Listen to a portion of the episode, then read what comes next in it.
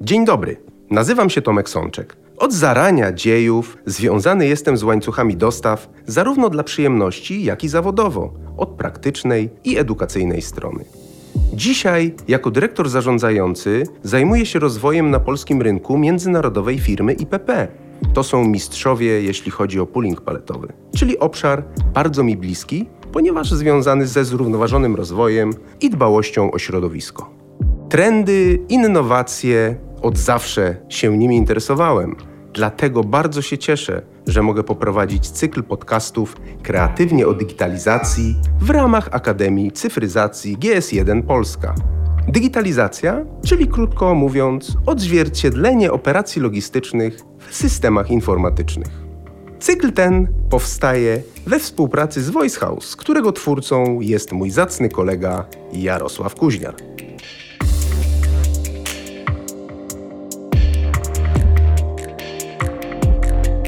Dzisiejszym odcinku jak zwykle wiele ciekawych tematów, m.in. audyty logistyczne i możliwości ich wykorzystania w badaniu poziomu digitalizacji procesów. Porozmawiamy o WMS-ie, jak go dobierać, na co zwrócić uwagę przy wdrożeniu. Spróbujemy zastanowić się, dlaczego firmy nie potrafią definiować i ustalać wskaźników efektywności logistycznej i dlaczego nie zawsze umiejętnie łączą je z systemem premiowania pracowników. Moim gościem jest Piotr Susz, magister inżynier logistyki, również absolwent studiów Executive MBA na Politechnice Wrocławskiej. Właściciel firmy konsultingowej Lokura. Aktualnie koncentruje swoją aktywność zawodową na wspieraniu zarządów oraz rad nadzorczych w budowaniu strategii łańcuchów dostaw oraz projektowaniu nowych obiektów logistycznych.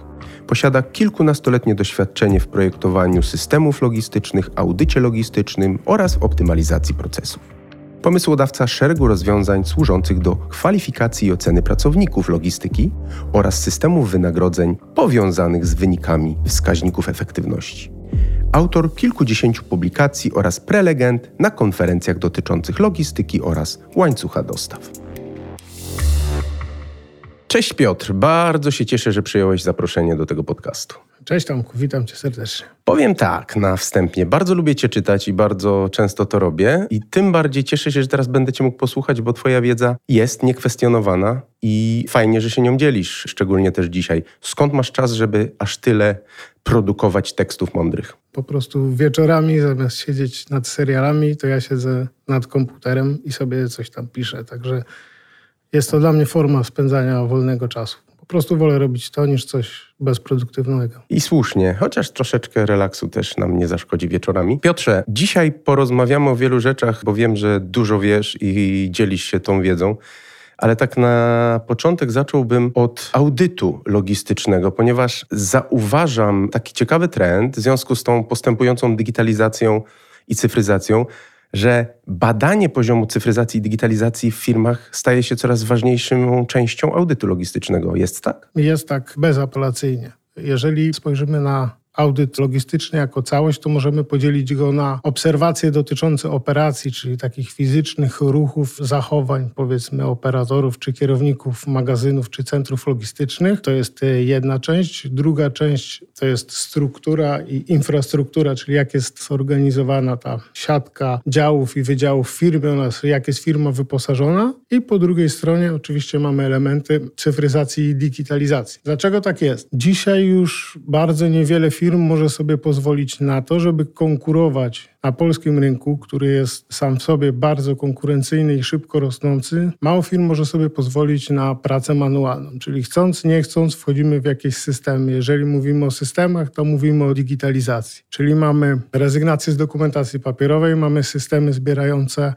bardzo duże liczby danych, czyli mamy WMS-y, mamy systemy MFC, czyli takie zarządzające automatyką, mamy TMS-y, mamy Yard Management System i audyt logistyczny dotyka tego w ten sposób, że klient zamawiający audyt na koniec chce mieć produkt, który jest oceną przedsiębiorstwa taką holistyczną, takim helicopter view. I on chce wiedzieć, oprócz tego, czy pracownicy, których zatrudnia, są właściwi, czy infrastruktura magazynowa, wózki, regały, doki, samochody są właściwe, czy transport jest dobrze zorganizowany, ale chcą również wiedzieć, jak się ma ich poziom zaawansowania cyfrowego do konkurencji i audyt logistyczny powinien to benchmarkować. Czyli to nie jest tak, że audyt ma pokazać nasze bolączki, ale i też nie chodzi o to, żeby być idealnym we wszystkim, tylko bardziej chodzi o to, żeby się porównać do tej średniej rynkowej, tak? Ja mogę powiedzieć, jak ja to robię, tak? Czyli ja robię ocenę, która ja zawsze lubię to powtarzać, jest krytyczna, a nie krytykancka. To jest zasadnicza mhm. różnica, tak? Krytykanstwo to jest stanięcie jakby w drzwiach, pokazanie palcem i powiedzenie tu źle robisz, tu źle robisz, w ogóle nic nie potrafisz robić. Natomiast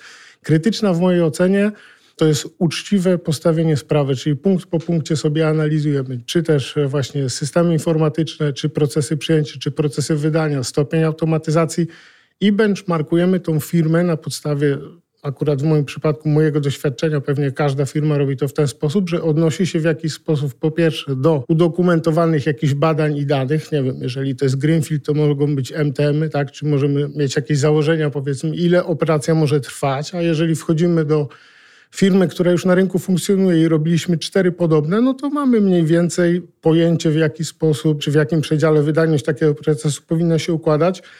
I jak najbardziej taki raport z audytu powinien być zdjęciem logistyki, którą mamy, niezależnie od tego, czy to jest jakby ładne zdjęcie, czy to jest brzydkie zdjęcie. Byleby było uczciwe. Słusznie, uczciwe i wiarygodne. Czy firmy chętnie poddają się audytowi logistycznemu, czy bardziej boją się? Tutaj jakby jest kilka takich przypadków, które audyt logistyczny wywołują. Tak? Mamy przypadki, kiedy firma widzi po prostu, że coś nie funkcjonuje, tak?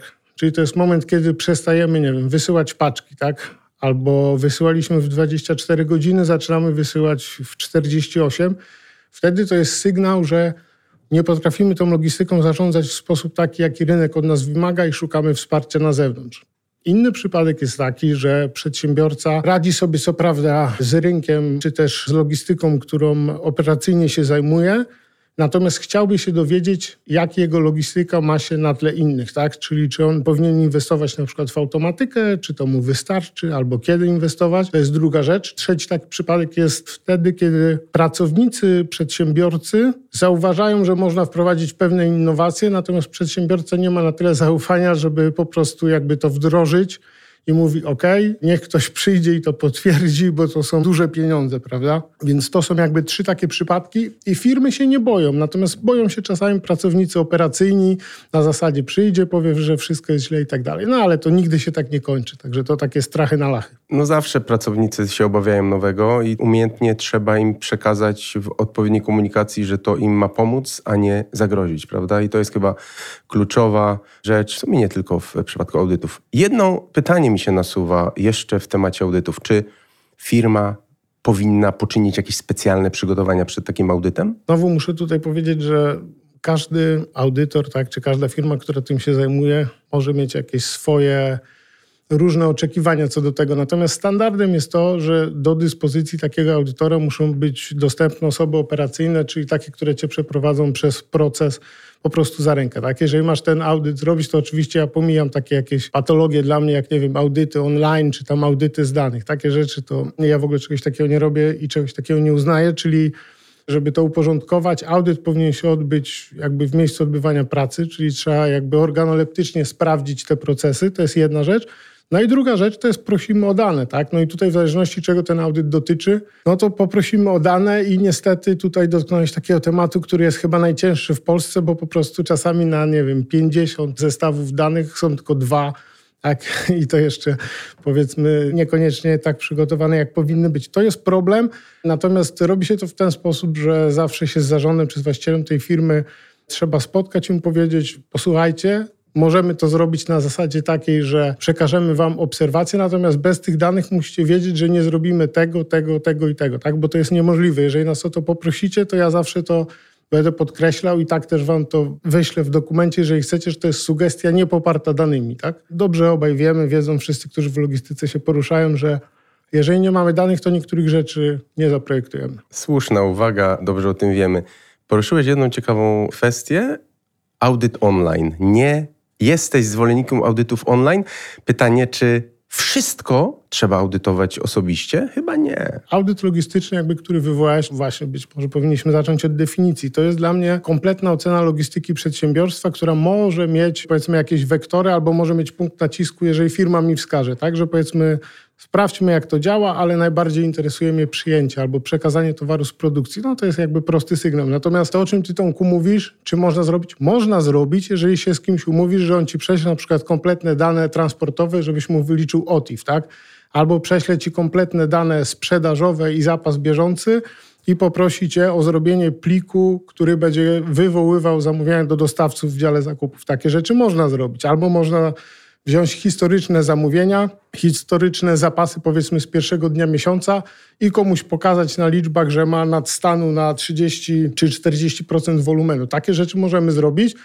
Czyli online możesz tak naprawdę się posługiwać tylko danymi, które ci dostarczy, które ci dostarczy klient. Więc znaczy, wtedy tak. Ja się z tą zgadzam, bo organoleptycznie jednak to organoleptycznie. Nie dotknąć, zobaczyć, iść za tym wózkowym czy pikerem i sprawdzić, jak on pracuje, jest zupełnie inną sytuacją niż patrzeć w dane i cyfry, które ktoś przesyła mailem. Okej, okay, pełna zgoda. Moim zdaniem pewne rzeczy można zrobić też online'owo, aczkolwiek zgadzam się z Tobą, że taki profesjonalny audyt logistyki operacyjnej, on wymaga dotykania, dotykania podłogi i, i, samochodu, że się tak kolokwialnie wyrażę.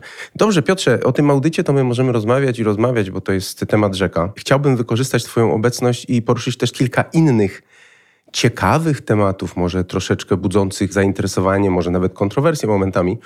I moim zdaniem dosyć ciekawym tematem do omówienia jest WMS. Kiedyś magazyny pracowały na Excelu i na kartce papieru z ołówkiem. Sam pamiętam takie, które audytowałem, ale dzisiaj ten WMS staje się kluczowy i chyba nie możemy mówić o digitalizacji procesów logistyki bez dobrego WMS-a i, co ważne, odpowiednio wdrożonego.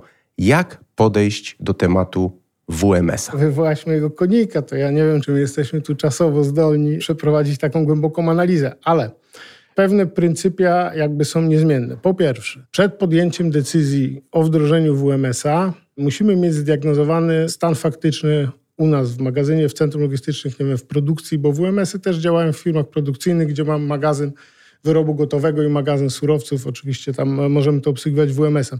Natomiast pierwsza rzecz to jest diagnoza. I teraz ja niejednokrotnie mówiłem, ale będę się powtarzał, bo uważam, że to jest jakby słuszny kierunek. Próbujmy budować zespół interdyscyplinarny wewnątrz firmy, który będzie w stanie tą myśl przełożyć na papier, czyli na krótki opis, co my byśmy chcieli mieć. Jeżeli nie mamy takiego zespołu, szukajmy pomocy na zewnątrz. Apeluję po prostu o to, żeby nie szukać WMS-a w wyszukiwarce, ponieważ można się zdziwić. Tak, te implementacje są różne, to za chwilkę do tego przyjdziemy, bo też to poruszyłeś a propos samej implementacji WMS-a. Natomiast WMS-y są na tyle skomplikowanymi produktami, że różnica pomiędzy najtańszym a najdroższym rozwiązaniem jest diametralna. Tak?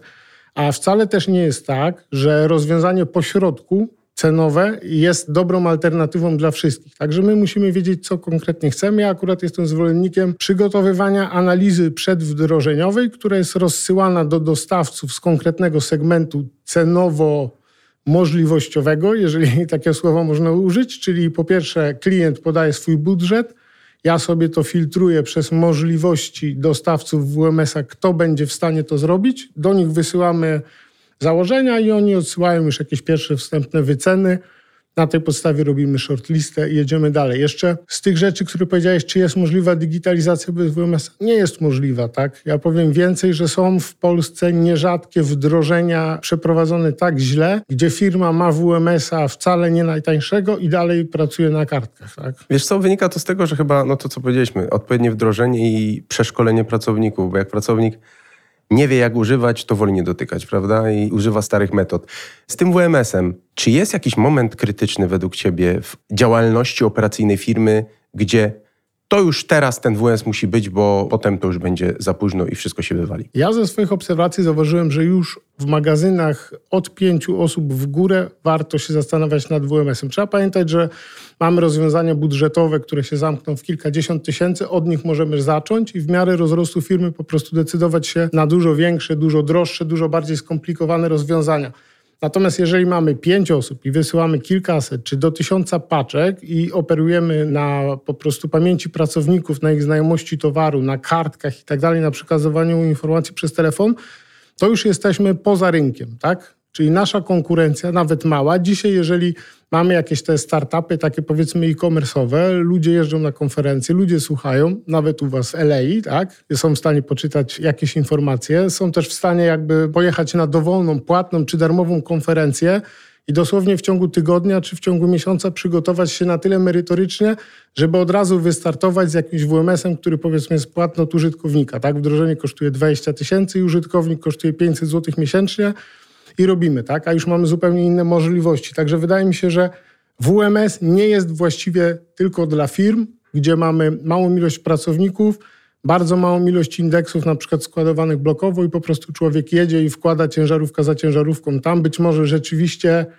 gdyby z tego liczyć ROI, to być może by się nie spięło, chociaż ja uważam, że teraz to są takie pieniądze przy cenach, które mamy w logistyce, że właściwie WMS powinien być w każdej firmie. Tym bardziej, że powiedziałeś, że te rozwiązania są w miarę dostępne i niekoniecznie gigantycznie drogie, prawda? Bo mierzmy siły na zamiary, czyli po co inwestować w jakieś kombajny, które będą wykorzystywane w 5-10%. To nie tędy droga. Odkąd szerzej wszedł Android, tak, odkąd Windows troszkę wygasił całą swoją tą e, usługę, na której pracowały skanery RF i mamy wszystko na Androidzie, pojawiło się całkiem sporo firm, również polskich, które piszą WMS-y od zera i one nie są najgorszej jakości. Jeżeli nie jesteśmy jakby firmą, która ma wymagania dotyczące użycia sztucznej inteligencji, zaawansowanych algorytmów, to mamy na polskim rynku rozwiązania, które spokojnie magazyn nawet do kilkuset osób nam obsłużą. Także to nie są już tak duże pieniądze, jak były dekadę temu. Słusznie, to wszystko idzie do przodu, też cenowo dużo się zmienia. No i ta świadomość chyba, że nie ma automatyzacji bez WMS-a, prawda? Nie ma standaryzacji, upraszczania procesów bez WMS-a, bo tak jak wielokrotnie tu powtarzałem z moimi wcześniejszymi gośćmi, że dążymy do standaryzacji. Są te rozwiązania typu etykieta GS1, która bardzo pomaga w upraszczaniu i w standaryzacji procesów i tu raczej wszystko jest dostępne, tylko trzeba po to sięgnąć, prawda? No tak, jeżeli mówimy o etykietach GS1, o jakichkolwiek etykietach, które przenoszą nam informacje o zawartości pomiędzy podmiotami, czyli w łańcuchu dostaw, nie tylko w obrębie naszego centrum, tylko chcielibyśmy identyfikować jednym kliknięciem zawartość palety, no to oczywiście, że WMS tu jest nieodzowny. Tak? Postawienie automatyki bez WMS-a też jest możliwe, ponieważ część rozwiązań automatycznych ma wbudowane WMS-y czy quasi-WMS-y, natomiast obsługa takich systemów jest maksymalnie utrudniona, dlatego że one potrzebują wymiarów, potrzebują wag. Trzeba pamiętać, że Automatyka ani nie rozładowywuje samochodów, taka najczęściej używana w Polsce. Są oczywiście rozwiązania, to jest na całkiem inną rozmowę, które potrafią auto rozładować. Ja mówię o automatyce na przykład szatlowej, szafach kompletacyjnych, jakiejś takiej mini loadach, tej najbardziej popularnej powiedzmy, jeżeli mamy towar drobnicowy i one są w stanie sterować tym, co się dzieje w środku bez WMS. Tylko, że my oprócz takiego systemu automatycznego jeszcze potrzebujemy sobie zaprojektować i wykonywać w sposób efektywny operacje na przyjęciu towaru, przesunięcia do tej automatyki, wyjęcia z tej automatyki, to zrobi ich system, ale jeszcze później mamy załadunek, inwentaryzację, zarządzanie zapasem, Także WMS jest nieodzowny do tego, żeby pracować w magazynach, które chcą się automatyzować. No dobrze, powiedziałeś zespół, dobrze określone cele i czego potrzebujemy. Co jest jeszcze kluczowe przy wdrożeniu efektywnym WMS-a, bo ty dobrze wiesz, ja dobrze wiem, znamy przypadki nieudanych wdrożeń i gigantycznych pieniędzy przepalonych, tak? Co jest kluczowe w takim wdrożeniu z Twojej perspektywy? Ja bym tu wskazał kilka aspektów. Po pierwsze, projekt manager po stronie firmy wdrażającej. To nie działa tak, że płacimy, ktoś tam się podpisuje z nazwiska i on to będzie prowadził i to zadziała. Zawsze musimy mieć po swojej stronie osobę, jakby, która jest pierwszym kontaktem do dostawcy takiego WMS-a i patrzy jej na ręce. To jest jedna rzecz. Druga, zasoby IT. Czy mamy własne, czy jesteśmy w stanie je pozyskać, czy na czas projektu je wynajmujemy. Firmy często na tym polu leżą, tak? To jest problem, czyli od strony WMS-a zawsze jest zespół wdrożeniowy, czyli przy zakupie oni nam dedykują zespół w cenie, a po naszej stronie my powinniśmy taki zespół przygotować. Firmy niekoniecznie są na to przygotowane. Kolejna rzecz, nieprzespanie testów. Różne firmy od WMS-a mają różne koncepcje przeprowadzania testów. Czasami wysyłają tylko maile, czasami przyjeżdżają, czasami prowadzą za rękę, czasami wymagają dużych takich zdolności indywidualnych od osób operacyjnych po stronie magazynu. Jeżeli nie wiemy, jak się w tym poruszać, też się budzimy w dniu, w którym WMS zostanie włączony, a my nie znamy nawet połowy jego funkcjonalności. Tak? Kolejne rzeczy, bazy testowe, które nie odzwierciedlają baz produkcyjnych, czyli baza produkcyjna powiedzmy obsługuje nie wiem, 100 tysięcy zamówień, a my robimy testy na 20 zamówieniach tak? i wszystko chodzi. Jak to włączamy, wszystko klęka, serwery, sieć Wi-Fi nie wyrabia i tak dalej, i tak dalej. Także myślę, że te rzeczy są kluczowe i to wystarczy, bo to kładzie znakomitą część tych projektów, które się nie udają. Cenne uwagi, zresztą trudno mi się z tym, o czym mówisz, nie zgodzić. Trzeba podejść umiejętnie i wiedzieć, czego się chce, ale tak jak powiedziałeś, testy i umiejętność współpracy z firmą, z dostawcą też jest kluczowa. Piotrze, rozmawiając przed tym podcastem, dotykaliśmy wielu obszarów, wybraliśmy tematy, które uda nam się poruszyć, a może i nie wszystkie, bo tego jest dużo. Jedna rzecz, która mnie zszokowała i będę Cię prosił o wyjaśnienie, powiedziałeś rzecz następującą. 70% firm nie potrafi ustalać właściwie wskaźników efektywności operacyjnej. Aż tak jest źle? No tak, podpisuję się pod tym. I Twoje słowa, więc tak. ja, ja wiem, że się Moje słowa potwierdzam, jest źle, tak. Jest źle, firmy nie potrafią przeliczać, ile ich kosztuje logistyka. Mało tego, próbują czasami wyjść z usługami logistycznymi na rynek, nie znając tak naprawdę kosztu swojej logistyki. Najniższy taki spotykany poziom, ale wcale nie najrzadszy jest taki, że po prostu nie mierzymy nic i ustalamy odgórnie z poziomu zarządu, że nie wiem, macie wysyłać tysiąc paczek, tak? I nieważne, jak czasami ktoś przyjdzie po prośbie, to tam dostanie wózek, jak nie, no to trudno, to będą nosić i jakoś to się kręci. Później mamy drugi poziom, Czyli powiedzmy, jesteśmy w stanie powiedzieć, ile tych paczek przerobimy na dzień, ale dalej, im jest większy zespół, to ta informacja o tym, ile jesteśmy w stanie zrobić paczek, jest jakby zbyt mało dokładna. Ona nam nie pokazuje tak naprawdę rozkładu godzin pracy, efektywności poszczególnych pracowników. Także no, potwierdzam, nie potrafią firmy w Polsce tego robić. Ja im często pomagam to ustalić tak naprawdę. Dobrze, no to z czego wynika, że nie potrafią? Co powinny zrobić firmy, żeby mieć pewność o dobrze przygotowanej liście wskaźników efektywności operacyjnej? Bo też jest pytanie, Zawsze powtarzam, że nie chodzi o ilość, tylko jakość, prawda? To nie chodzi o to, żeby mieć 100 wskaźników, tylko wystarczy mieć kilka dobrze zdefiniowanych. No tak, nawet tutaj bym zaryzykował, że 100 wskaźników jest równie złe jak zero wskaźników. Tak? Zgadzam Bo tutaj się. zdarzają się firmy, które przygotowują raporty wielokrotnie powtórzone, czyli mają pod osobnymi raportami sprzedaż, nie wiem, dzienną, godzinową, minutową, tygodniową, miesięczną. Zamiast zrobić jeden raport, w którym możesz jakby przefiltrować typ czasu, to, to tworzą taką siatkę, która po prostu nabiera takiej objętości w którymś momencie, że nie jesteśmy już w stanie tych danych analizować. Ale wracając do tego, co my potrzebujemy robić. Jak dla mnie szef takiego magazynu lub centrum logistycznego, ja to zawsze powtarzam, musi wiedzieć, ile jest w stanie wykonać danych operacji w każdej ze stref. I teraz, jeżeli mówimy o operacji, to powinien wiedzieć, ile w jednostce czasu, powiedzmy godzinie, jest w stanie przyjąć PZ-ów albo linii, ile jest w stanie wydać WZ albo linii, ile jest w stanie zinwentaryzować lokalizacji, ile jest w stanie zrealizować przesunięć, ile jest w stanie rozładować kontenerów, jeżeli to jest Azja i tak dalej, i tak dalej. Czyli musimy sobie spojrzeć z góry na magazyn, albo narysować graf głównego procesu, nie bardzo szczegółowy, taki, który nas prowadzi za rękę przez realizację procesu, tylko taki, który nam porządkuje procesy, które się dzieją w firmie, wtedy ustalić wydajność w tej samej jednostce czasu dla każdej z operacji, które wykonują. No dobrze, ale powiedz mi, powinien wiedzieć. Ale skąd powinien wiedzieć? Co, powinien sam mierzyć pewne rzeczy, czy lepiej skorzystać z doświadczeń kogoś z zewnątrz? Skąd powinien wiedzieć? Jak mówisz, powiedziałeś tak, firmy nie wiedzą w 70% przypadków, jak podchodzić do definiowania wskaźników. Więc z czego wynika ta niewiedza? No to już mówię.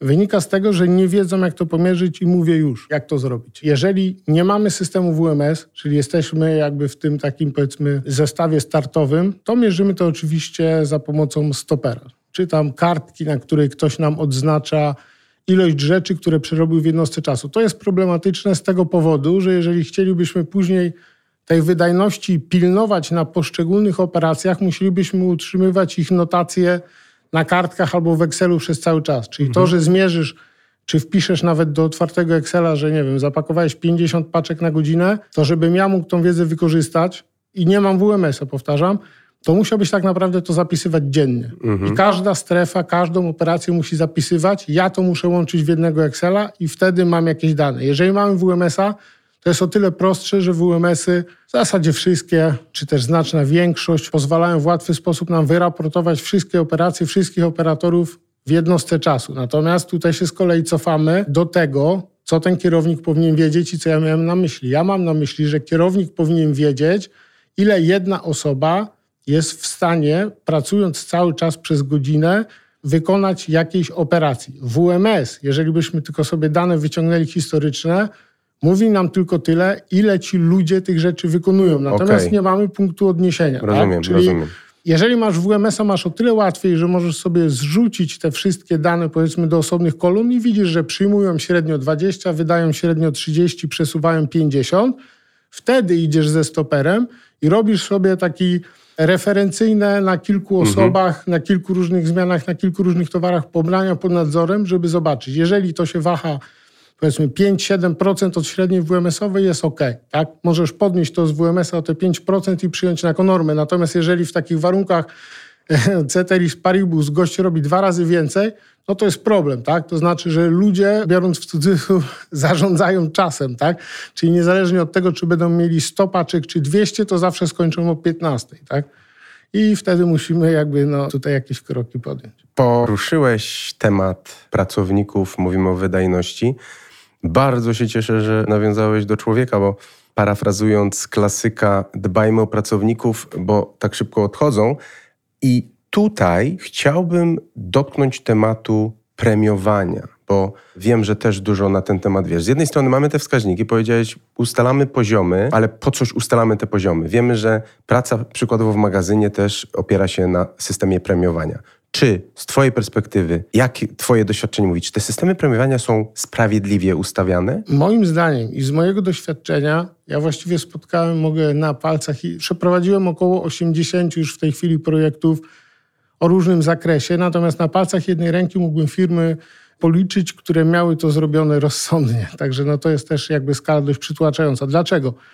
Firmy często po prostu kopiują rozwiązania albo nie ze swojego sektora, albo ze swojego sektora, ale tak jakby zły przykład. Po prostu wiedzą, jak to robi konkurencja, albo nie wiem, znajdują jakiś artykuł i na tej podstawie go wprowadzają. Najczęstszymi takimi błędami są jakieś premie całkowicie uznaniowe albo częściowo uznaniowe, częściowo na przykład od przerobionych paczek. Tak? Czyli mamy magazyn, który sobie trzeba wyobrazić jako żywy organizm, w którym jest kilka sekcji, podsekcji różnych operacji, natomiast my płacimy tylko za paczki. Mało tego, magazyn nie ma wpływu na paczki. Kolejnym, już chyba najgorszym systemem jest wypłacanie premii magazynowi od obrotu albo od zysku, czego się nie powinno robić z tego względu, że w logistyce nakład pracy nie jest zależny od wartości tak. towaru. Tak? Firmy o tym nie pamiętają. Ja jestem zdziwiony, że ktoś w ogóle mógł wymyślić jakby taki sposób premiowania, bo to by wychodziło, że nosząc cement powinno się bardzo mało tej premii dostawać, ponieważ jest tam, nie wiem, niska marża na worku, tak?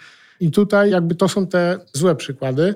Natomiast jak to zrobić, żeby to było dobrze? No to musielibyśmy się cofnąć do tego punktu, o którym mówiliśmy wcześniej, do tych KPI i to jest gotowe rozwiązanie systemu premiowania. Dlatego, że jeżeli my sobie w WMS-ie, wracając do tego przykładu, sprawdzimy historycznie, że wydanie towaru to jest 30 linii na godzinę, my zrobiliśmy dodatkowe 10 prób, z których średnia z tych 10 prób to wyszło niech będzie 35, tak?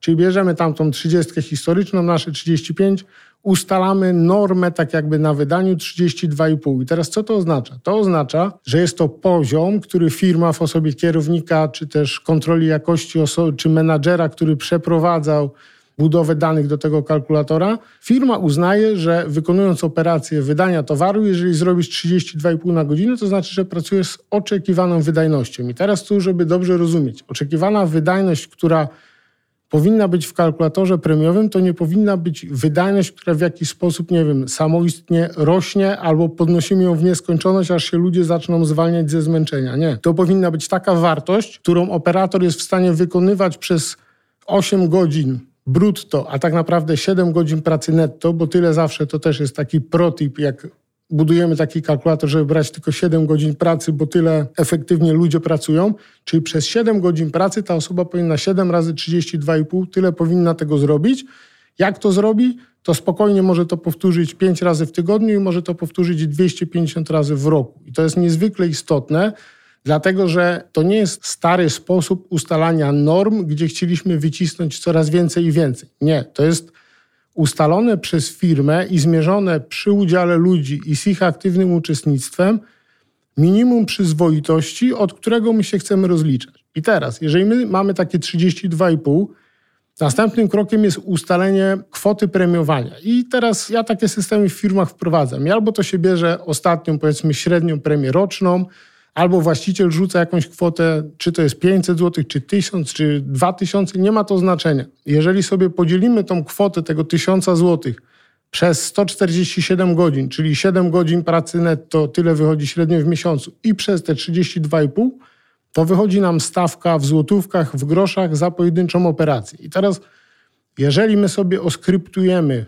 wszystkie zadania, które się dzieją w naszym magazynie stawkami takimi na żywo, to jesteśmy w stanie zbudować system, który jest samograjem. Tak? Jesteśmy w stanie na żywo ludziom pokazywać, ile zarobili premii, co do grosza w każdym momencie – to się najlepiej sprawdza, to wprowadza, tak jak rozmawialiśmy, jakby poza anteną wprowadza elementy grywalizacji. Jesteśmy w stanie wyświetlić loginy tych pracowników na telewizorze w magazynie, że oni widzą, ile zrobili tej normy, ile zarobili pieniędzy. Także to jest świetna sprawa i pracownicy bardzo dobrze takie systemy przyjmują. I to, co powiedziałeś, czyli ta digitalizacja w procesie premiowania też istnieje, prawda? Mówisz o tych ekranach pokazujących online efektywność i nawet pieniądz zarobiony, tak? Bo to się dzisiaj dzieje. Dokładnie. Ja w ogóle uważam, że jest jakby teraz jest taki czas, że my musimy digitalizować wszystko. Tak? Ja teraz mam końcówki, ostatnie takie firmy, które jeszcze na przykład wysyłają do tysięcy czy do dziesiątek tysięcy paczek papierowe faktury wz tak, bo gdzieś tam nie doczytali, przegapili, kiedy już prawo pozwalało z tego mhm. rezygnować. Także to jak najbardziej trzeba likwidować wszystko, co jest papierowe, trzeba likwidować ołówki, przechodzić na systemy, które są w stanie nie tylko nadzorować pracę, bo czasami nie tylko pracownicy, ale nawet menadżerowie czy właściciele firmy mają takie wątpliwości, czy to nie jest tak, że robimy jakąś taką klatkę. Ja zawsze odpowiadam, nie, to jest tak, że ludzie przychodząc do pracy jakby sprzedają swój czas. I jeżeli odejmiemy sobie te wszystkie benefity, jeżeli sobie powiemy, że wspólnie określiliśmy te wydajności, jeżeli sobie odejmiemy z każdej z tych 8 godzin godzinę, nie tylko 15 minut przerwy, tylko godzinę, w której mają się zmieścić papierosy, cokolwiek, tak, chodzenie po kawę i tak dalej, i tak dalej, to mamy ledwie 7 godzin pracy, mamy płacone za 8, więc moim zdaniem to jest sprawiedliwe i, i nie trzeba się tego bać, tylko powiedzieć uczciwie, płacimy tyle i tyle, najlepsi zarobią więcej, słabsi zarobią mniej i tak działa wolny rynek. I to, co powiedziałeś, jasna komunikacja zasad, tak, żeby pracownik wiedział, ile zarobi przy danej efektywności swojej pracy, to jest chyba kluczowe, bo jakieś nieporozumienia i wątpliwości tylko wpływają negatywnie na to wszystko. Poruszyłeś w swojej wypowiedzi temat grywalizacji. Marzę o tym, żeby to rozwinąć, ale niestety nie mamy czasu. Przyjdzie moment, kiedy zapewne pojawi się temat grywalizacji w naszych podcastach, bo jestem wielkim fanem i też sam wiesz, że to bardzo motywuje ludzi. I ja zauważyłem, że z większą przyjemnością też się pracuje przy wdrożonych systemach grywalizacyjnych, prawda? Jak najbardziej. No ja jestem tutaj wielkim zwolennikiem i tak jeszcze odpowiadając na dwie rzeczy. Jedna taka, żeby podkreślić, że pracownicy jakby nie tylko mają rozumieć, w jaki sposób ten system działa, bo to jest oczywista oczywistość, przynajmniej dla mnie, ale chciałbym to podkreślić, ale jest też istotne, żebyśmy ich angażowali od początku. Tak? Nie można traktować ludzi, czy to jest magazyn, czy to jest produkcja, czy cokolwiek, jako jakieś tam numery albo coś, gdzie my jakby przyjdziemy z dobrą nowiną i jakby powiemy od poniedziałku będzie to działać tak i tak. Te czasy już minęły.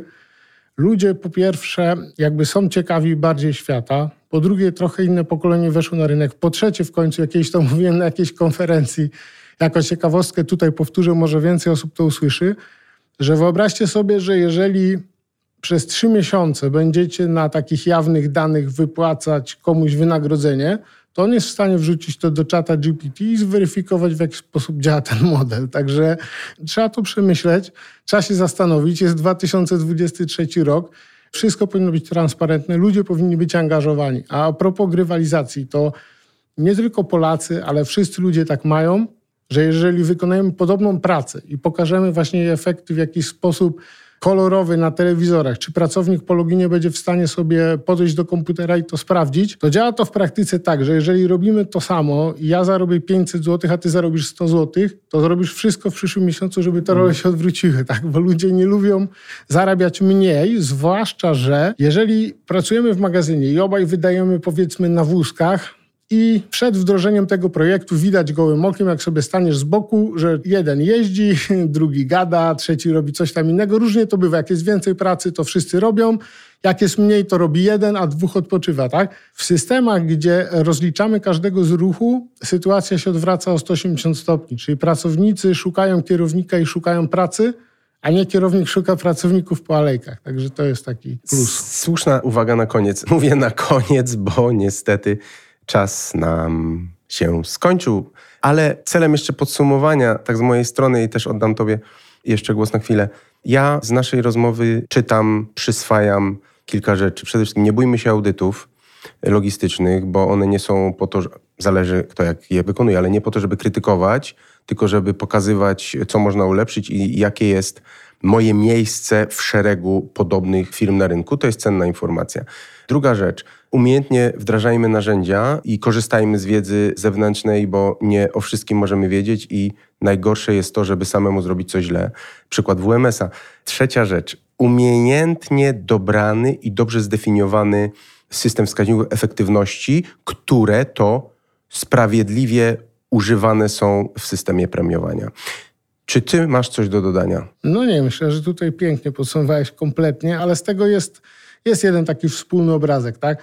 Po pierwsze, tej cyfryzacji, digitalizacji nie bójmy się, tak? To jest po prostu coś, co już nas otacza, jest to szeroko wykorzystywane. Tutaj taki fajny przykład, właśnie miałem zamieścić komentarz, jeszcze nie zamieściłem na LinkedInie. Jedna z takich osób, która ma dość duże zasięgi, wrzuca taki post cotygodniowy z ofertami pracy. Zwróćcie uwagę, że 95% osób, które tam się dopytują w tej chwili, to są copywriterzy, tak? Czyli jakby przyszło narzędzie, które pewną grupę zmiotło z planszy ludzi, tak? I to może się stać w każdej chwili, jakby systemy ewoluują, nie bójmy się tego i przede wszystkim wiedząc, jak teraz wygląda rynek pracy i że pracownicy mają zupełnie inne podejście niż w latach 80., 90., 2000, angażujmy ich, bo to jest też forma zatrzymania ich w firmie. Tak? Jeżeli firma jest innowacyjna, jeżeli firma płaci sprawiedliwie, wyobraźmy sobie, że jesteśmy na parku logistycznym, gdzie jest 40 podmiotów. Niech nawet będzie, że po cichu umówionych na widełki, które płacą operatorom, bo to czy to jest tajemnica, czy nie, no to niestety, ale tak się firmy dogadują, że w takim wielkim parku logistycznym nie dużo się różnią te zarobki, tak? Okej, okay, tylko że jeżeli się nie dużo różnią, no to takim właśnie wyznacznikiem i game changerem może być taki przyjazny i proaktywny mhm. system premiowania, tak? No bo jeżeli ty możesz przekładać paczki za 3000 tu, czy za 3100 tutaj, tam wszyscy dostają premię po prostu od linijki albo w ogóle, a tutaj masz system, gdzie sam na nią pracujesz, no to ludzie wybiorą mimo wszystko taką firmę, która coś proponuje. Zdecydowanie. I to, co powiedziałeś, nie bójmy się digitalizacji i cyfryzacji i też zachęcam naszych słuchaczy i słuchaczki do odwiedzenia strony Akademii Cyfryzacji GS1 Polska, gdzie bardzo dużo na temat digitalizacji i cyfryzacji możecie znaleźć. Piotrze, bardzo Ci dziękuję. Rozmowa była ucztą i bardzo się cieszę, że udało nam się zderzyć opinie w temacie logistyki i digitalizacji. No to ja dziękuję. To dla mnie sama przyjemność. Dzięki Tomku. Dziękujemy, że zostaliście z nami do końca. Nie zapomnijcie zasubskrybować i ocenić naszego podcastu. Do usłyszenia w następnym odcinku.